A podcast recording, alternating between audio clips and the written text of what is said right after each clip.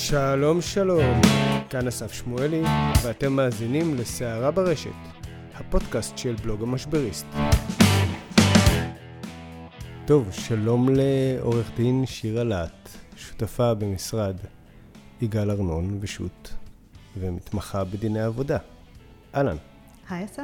לכאורה, בתחילת הדרך נטו לחשוב שהוא לגמרי במשבצת העורך דינית, המשפטית, העולם יותר מורכב.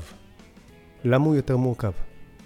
תראה, שיימינג זה אחת מהתופעות אה, שהביאה לחיינו, אה, שהביאו לחיינו הרשתות החברתיות. הרשתות החברתיות שינו את החיים, זה כבר ברור, אנחנו כבר אה, יודעים את זה מזמן, והם בהכרח גם השפיעו על יחסי העבודה. היום לכל עובד יש עמוד, אתר, מה שזה לא יהיה, חשבון ברשת חברתית, והיום כמעט גם לכל מעסיק יש רשת חברתית ולכולם גם יש גישה לזה. אנחנו רואים הרבה מאוד מקרים שבהם גם המעסיקים וגם העובדים משתמשים ברשתות החברתיות, לפעמים בתום לב, לפעמים לא בתום לב, לפעמים בלי לשים לב למה שהם עושים, ולפעמים עם לשים לב. ואחד הביטויים של זה, זה גם השיימינג. וזה יכול להיות עם קשר לעבודה, וזה יכול להיות לחלוטין בלי קשר לעבודה. אני אתן שתי דוגמאות.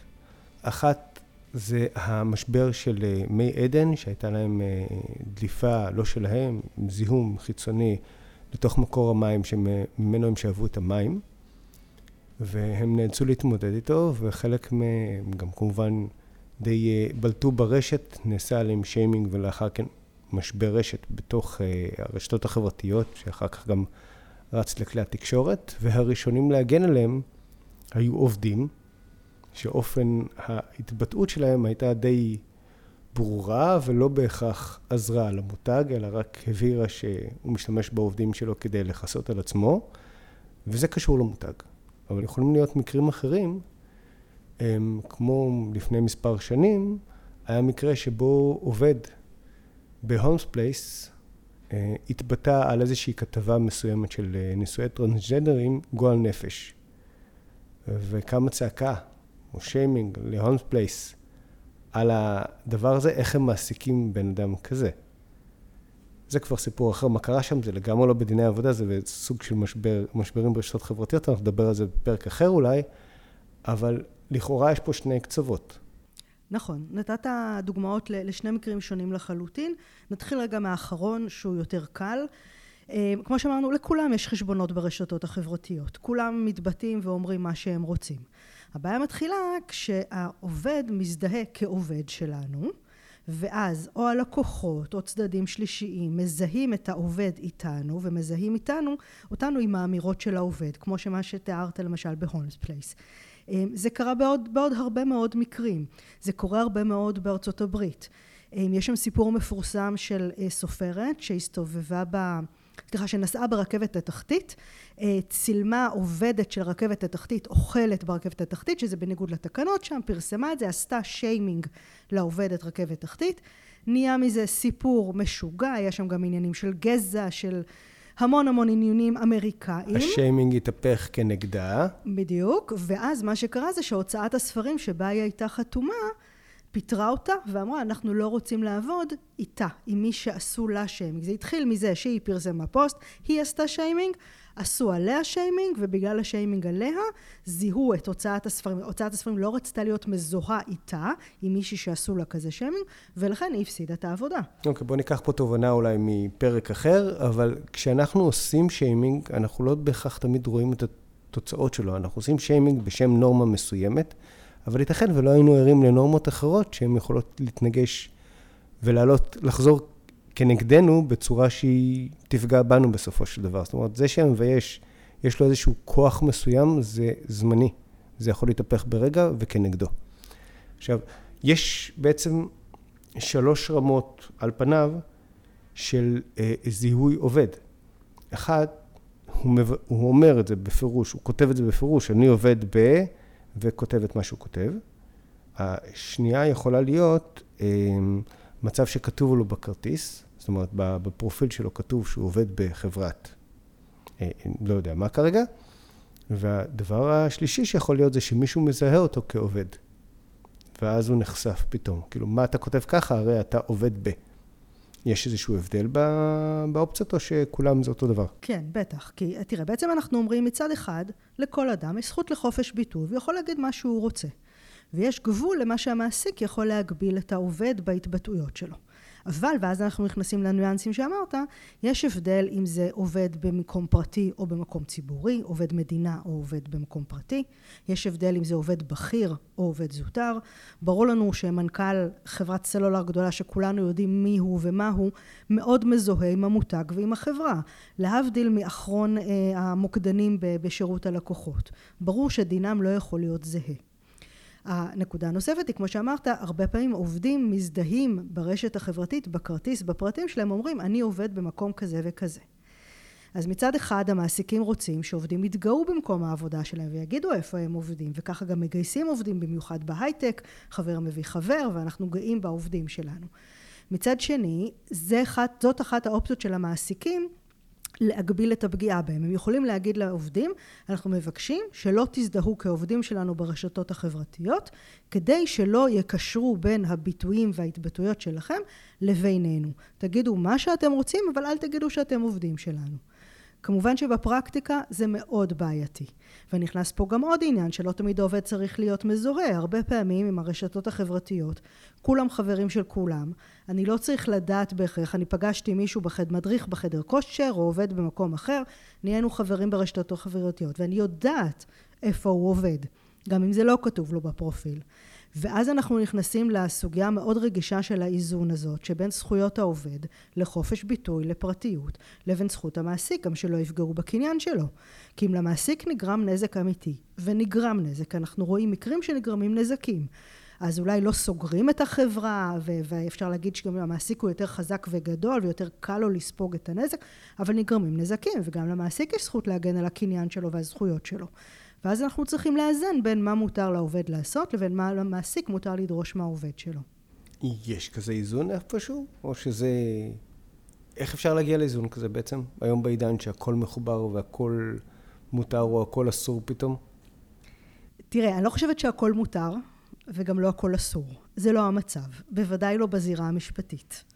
אה, יחסי עבודה מאוד מורכבים והפן המשפטי הוא רק צד אחד שלהם וכמובן יש את הפרקטיקה ויש את היחסים הבין אנושיים שהם מאוד חשובים גם כן. אה, בארץ זה לא מאוד נפוץ אבל בארצות הברית אנחנו רואים את זה וגם באירופה ואני צופה שזה יגיע מתישהו גם לישראל. בחברות הגדולות יש פוליסיז יש נהלים לגבי מה מותר ואסור ברשתות חברתיות. למשל למי מותר להציע חברות למי? האם מנהל יכול להציע חברות לעובד? למי מותר להזדהות כעובד שלנו ולמי לא? האם מותר לפרסם אה, פרסומים פוליטיים? כל מיני דברים כאלה. בחוץ לארץ זה נפוץ בארץ זה עוד לא קיים צריך לזכור גם שהמעסיק יכול לקבוע פוליסיס ונהלים עד מחר אבל יש את החיים עצמם מה שנקרא וגם עובדים לא ירצו לבוא לעבוד במקום שמגביל אותם וגם עובדים ירצו, אה, אה, השוק, המשק החופשי לא יאפשר לנו יותר מדי להגביל את העובדים. בוא נגיד שזה עדיין לא תפס. לא, זה לא תפס. אני בתור מי שמייצגת מעסיקים, זה מאוד מאוד חריג שיש כאלה policies. אם כבר, אז ב corporate שהם חלק השלוחות של corporates בינלאומיים ואז מחו"ל אה, אה, מנחיתים עליהם את ה policy האלה, את הנהלים האלה. בארץ זה מאוד חריג. אני אומרת, אני חושבת שמעסיקים, בטח בהייטק, נורא מפחדים להיתפס כלא ידידותיים ולא קולים, ומי אנחנו שאנחנו נגיד לעובדים שלנו מה לעשות, זה גם מראה שאנחנו כאילו לא סומכים עליהם. זה מבחינת החברתי, התרבות כאן, זה יהיה מאוד מאוד בעייתי ליישם כאלה פוליסיז. אני חושבת שגם לאט לאט ה... הפוליסיס האלה נהיות פחות רלוונטיות, כי לאנשים יש חשבונות כבר בכל כך הרבה אה, ערוצים, ערוצים ורשתות פלטפורמות, חברתיות, כן. פלטפורמות. לא תמיד אנחנו יודעים מי זה מי, לפעמים יש כמה חשבונות תחת אותו שם. יש תתי קבוצות הרי, כמו, כמו קבוצה בפייסבוק של אה, אתה יכול להיכנס, ובקיצור אין לזה סוף. אני אזרוק פה איזושהי, איזשהו צמד מילים שהוא יהיה סוג של פיל בחדר, הוא לא משפטי בעליל, אבל הוא ילווה אותנו כל הדרך. והוא מאוד הייפ היום, מיתוג מעסיק. כי אנחנו מדברים פה בין היתר על השיימינג ועל האתגר שהוא מציב כלפי עובדים וכלפי עסקים. אנחנו מדברים על החוק, את מדברת על החוק, כי okay. כן. ההשכלה שלנו קצת שונה בנושא הזה, אבל החוק, כמו בכל מקום, בנקודה הזאת של הדיון הנורמטיבי הזה, הוא לא הכל. יש פה גם את הדבר הזה שהתחבא בין המשפט האחרון שאמרת, שהוא המיתוג מעסיק. זאת אומרת, איך אני כמעסיק מצטייר או, או מתויג בעיני העובדים שלי, בעיני עובדים לשעבר או בעיני, בעיני עובדים עתידיים. זאת אומרת, בבחירה שלי לעשות מעשה, היא תושפע לא פעם לא רק ממה שהחוק מקנה לי, אלא מפני הנורמות שקיימות בקרב העובדים, שיכולים לגרום לי נזק או תועלת שהוא לאו דווקא משפטי. נכון, בוודאי כשאנחנו בשוק של עובדים.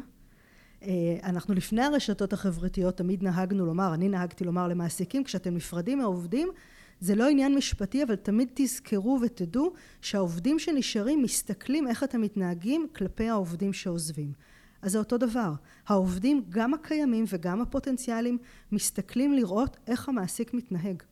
אם הוא מגביל את העובדים שלו, אם הוא לא מגביל אותם, אם פתאום יש כל מיני הוראות כאלה שנראות לחבר'ה הצעירים נורא מוזרות, הרי אף מעסיק לא יעלה על דעתו להגיד לעובד, אסור לך לפתוח חשבון אינסטגרם או חשבון טיק טוק, או אסור לך לצלם משהו במקום העבודה ולהעלות אותו.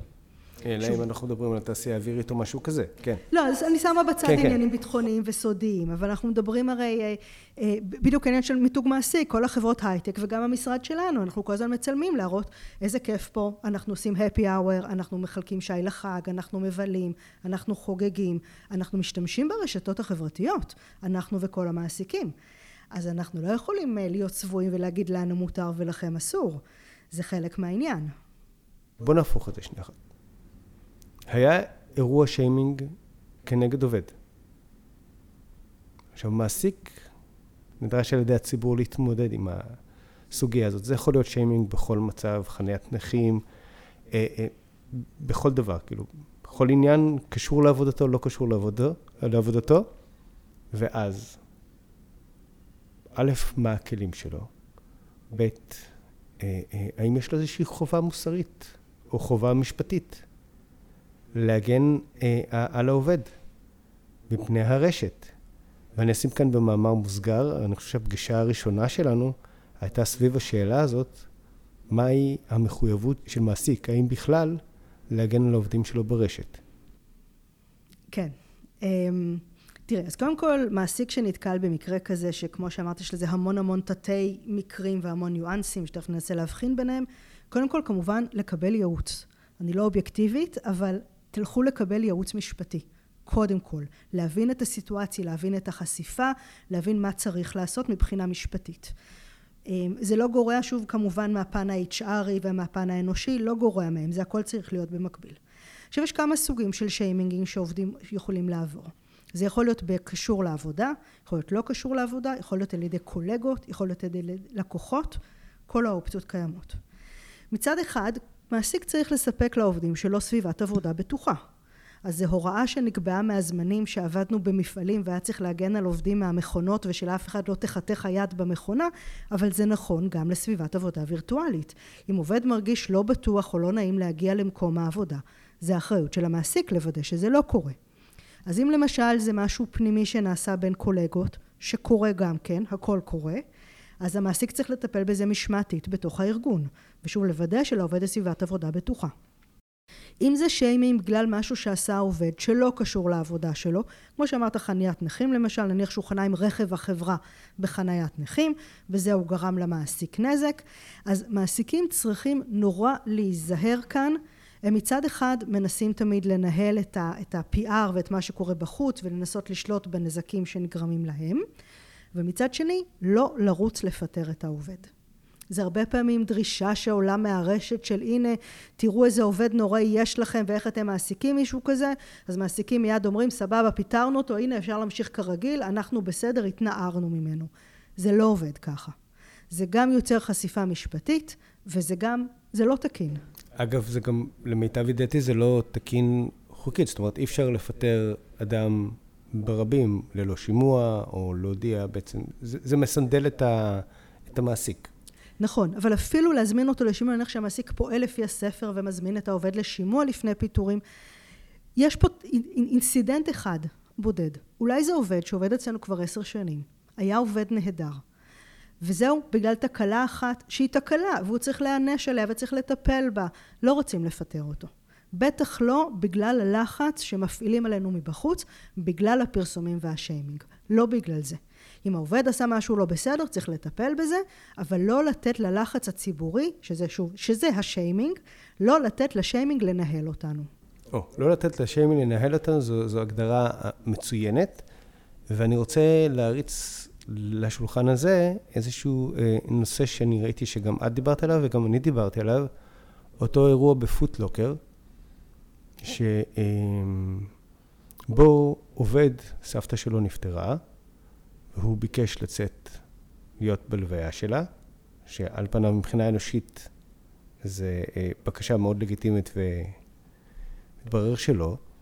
המעסיקה שלו, יותר נכון, מנהלת המשמרת שלו, שקיבלה הנחיה לא לוותר על עובדים בטווח הקרוב, אה, אסרה עליו מבחינה חוקית. זה בסדר, כי זה רק אה, קרבה ראשונה, נכון? החוק כן, מחייב. כן.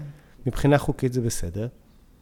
ואז הוא פרסם את ההתכתבות שלהם ברשת, ופוטלוקר חטפו חזק, המנהלת הפכה להיות סוג של אויבת העם. בואי נדבר עליו מבחינה משפטית. אוקיי. Okay. אמ, אז המנהלת באמת פעלה לפי חוק לצורך העניין, וגם בהתאם להנחיות שהיא קיבלה מהממונים שלה.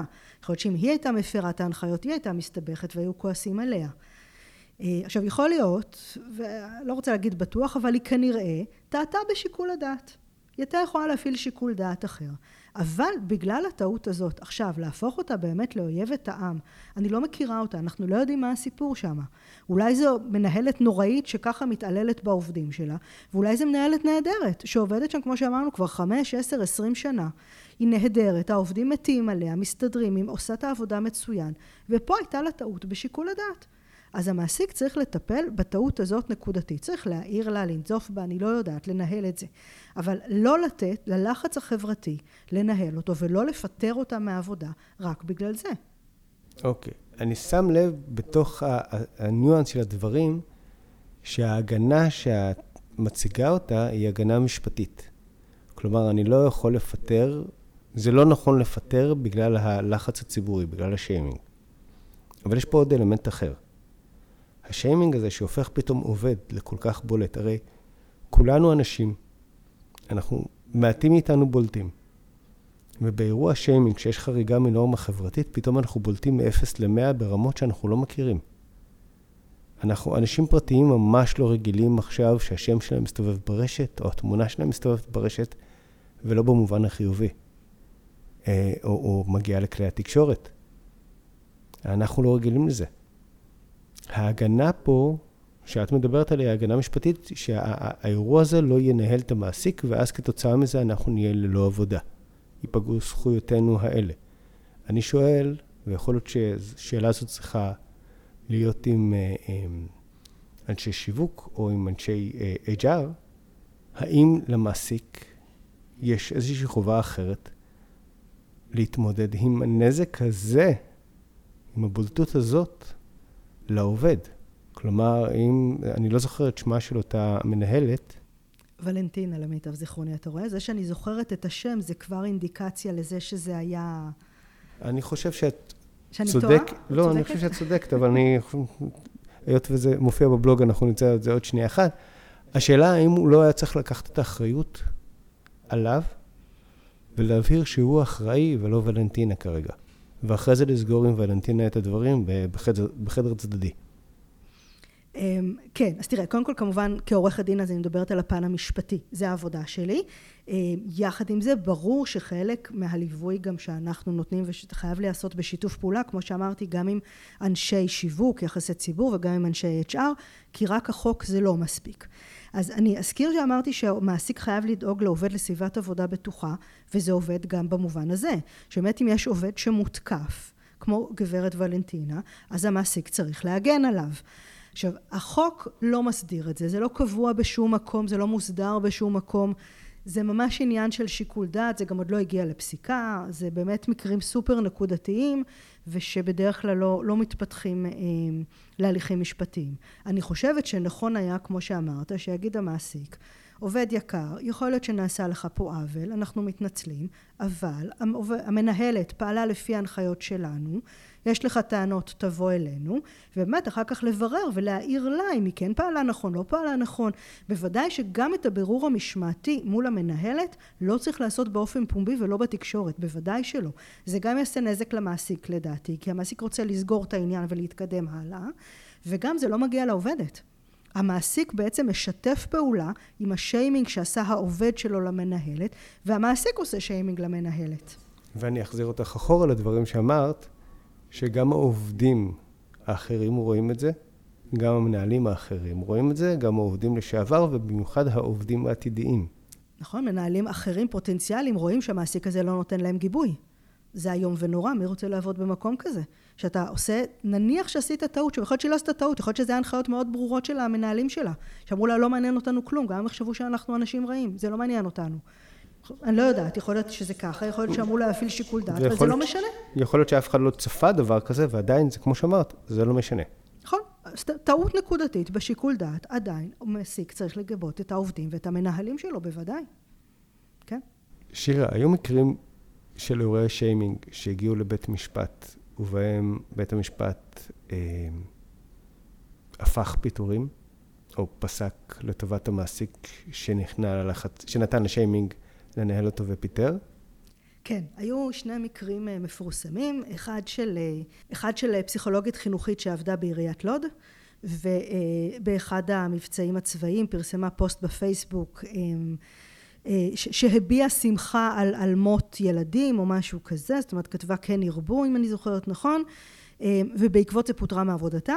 היא עתרה לבית הדין לעבודה בבקשה לבטל את הפיטורים ובמקרה הזה בית הדין הכשיר את הפיטורים לא קיבל את הבקשה שלה בין היתר בגלל שהיא פסיכולוגית חינוכית שצריכה לעבוד עם ילדים ובגלל שהיא עובדת בעיריית לוד שזה מקום עבודה ציבורי להבדיל ממקום עבודה פרטי מקרה אחר, שבו התוצאה הייתה אחרת, היא של עובדת במפעל בצפון, שגם כן באחד המבצעים הצבאיים פרסמה איזשהו פוסט תמיכה במחבלים, והחברים במקום העבודה מאוד כעסו, היא הורידה את הפוסט אחרי שקיבלה תגובות מהחברים שלה, המעסיק שלה גם פיטר אותה בגלל ההתבטאות הזאת, גם היא עתרה לבית הדין לעבודה, ושם בבית הדין לעבודה ביטל את הפיטורים. וזה היה גם בגלל שהיא הורידה את הפוסט, היא התנצלה, היא לא עמדה מאחורי זה, היא לא המשיכה להתעקש, וגם בגלל שהוא אמר זה מקום עבודה פרטי, מותר לה בכל זאת להתבטא, גם אם זה לא ראוי, אבל היא הסירה, התנצלה, ממשיכים הלאה, לא באמת הוכח שנגרם נזק למעסיק, אז בית הדין ביטל את הפיטורים במקרה הזה. אוקיי, okay, זאת אומרת, אם אני לוקח מפה איזשהו משהו אחד, זה אותו אה, אה, איזון שדיברנו עליו בתחילת הדרך בין חופש הביטוי למוניטין של המעסיק, ושתיים, באמת סוגיית הכימות של הנזק של המעסיק, שאותו לא תמיד אפשר לדעת. זאת אומרת, אם... אה, אה, אה, סתם היה לנו מקרה, לדוגמה, לפני אה, מספר חודשים, שבו עובד כתב על חשבון של משלוח הלקוח ההומו, ואז זה פורסם וכמובן הפך להיות שיימינג כנגד הרשת עד, העצם אקספרס, ואני כן אומר את השם כי בעלי העסק, המנכ"ל, הגיב לפוסט ופשוט הפך את השיימינג, מינף אותו בצורה יפהפייה, עשה לו שיימינג turnaround וטיפל בבעיה, אבל לכאורה אם הוא לא היה עושה את זה.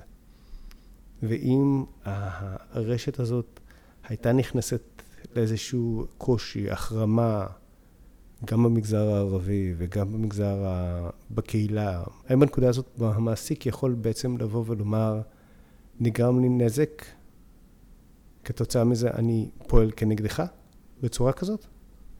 תראה, השאלה מה זה פועל כנגדך ומה זה נזק, ופה אני, אני חוזרת לכובע העורך דין ומדברת בשפה יותר משפטית. כשאנחנו מדברים על נזק, נזק זה משהו שצריך לכמת ולהוכיח אותו.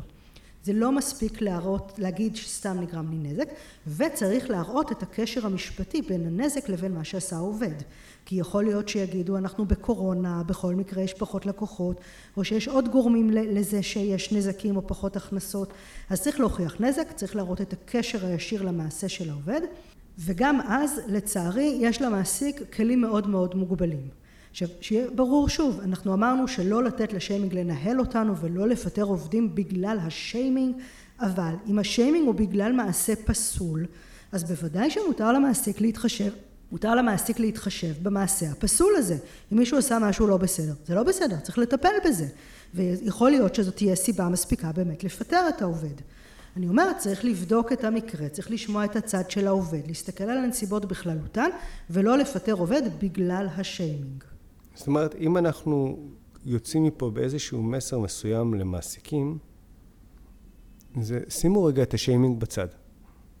שימו, ל, שימו כרגע בצד את ההתקפות על הדף שלכם.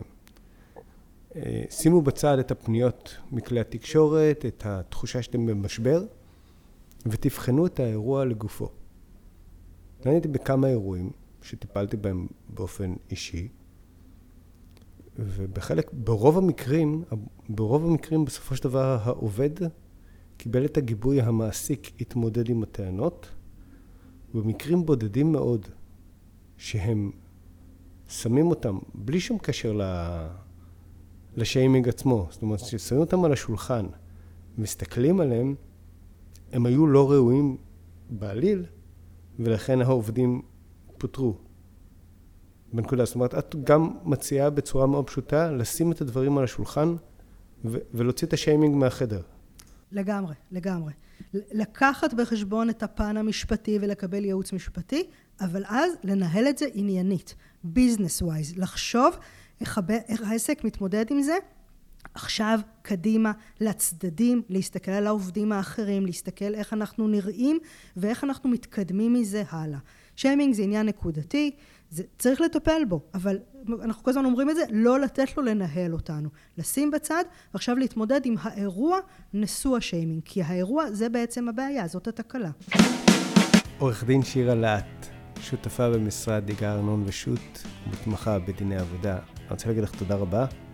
זהו, עד כאן עוד uh, פרק בפודקאסט, בפודקאסט סערה ברשת. Uh, תוכלו לקרוא חומרים נוספים בבלוג המשבריסט, המשבריסט.co.il, בדף הפייסבוק של המשבריסט, יש גם איזשהו ערוץ יוטיוב שיאמרי בקרוב. תודה רבה לכם, ניפגש בפרק הבא, ואם יש לכם רעיונות, הצעות, כל דבר כזה, נא לכתוב אליי. אסף עם דאבל אס, שטרודל, המשבריסט.co.il, להתראות.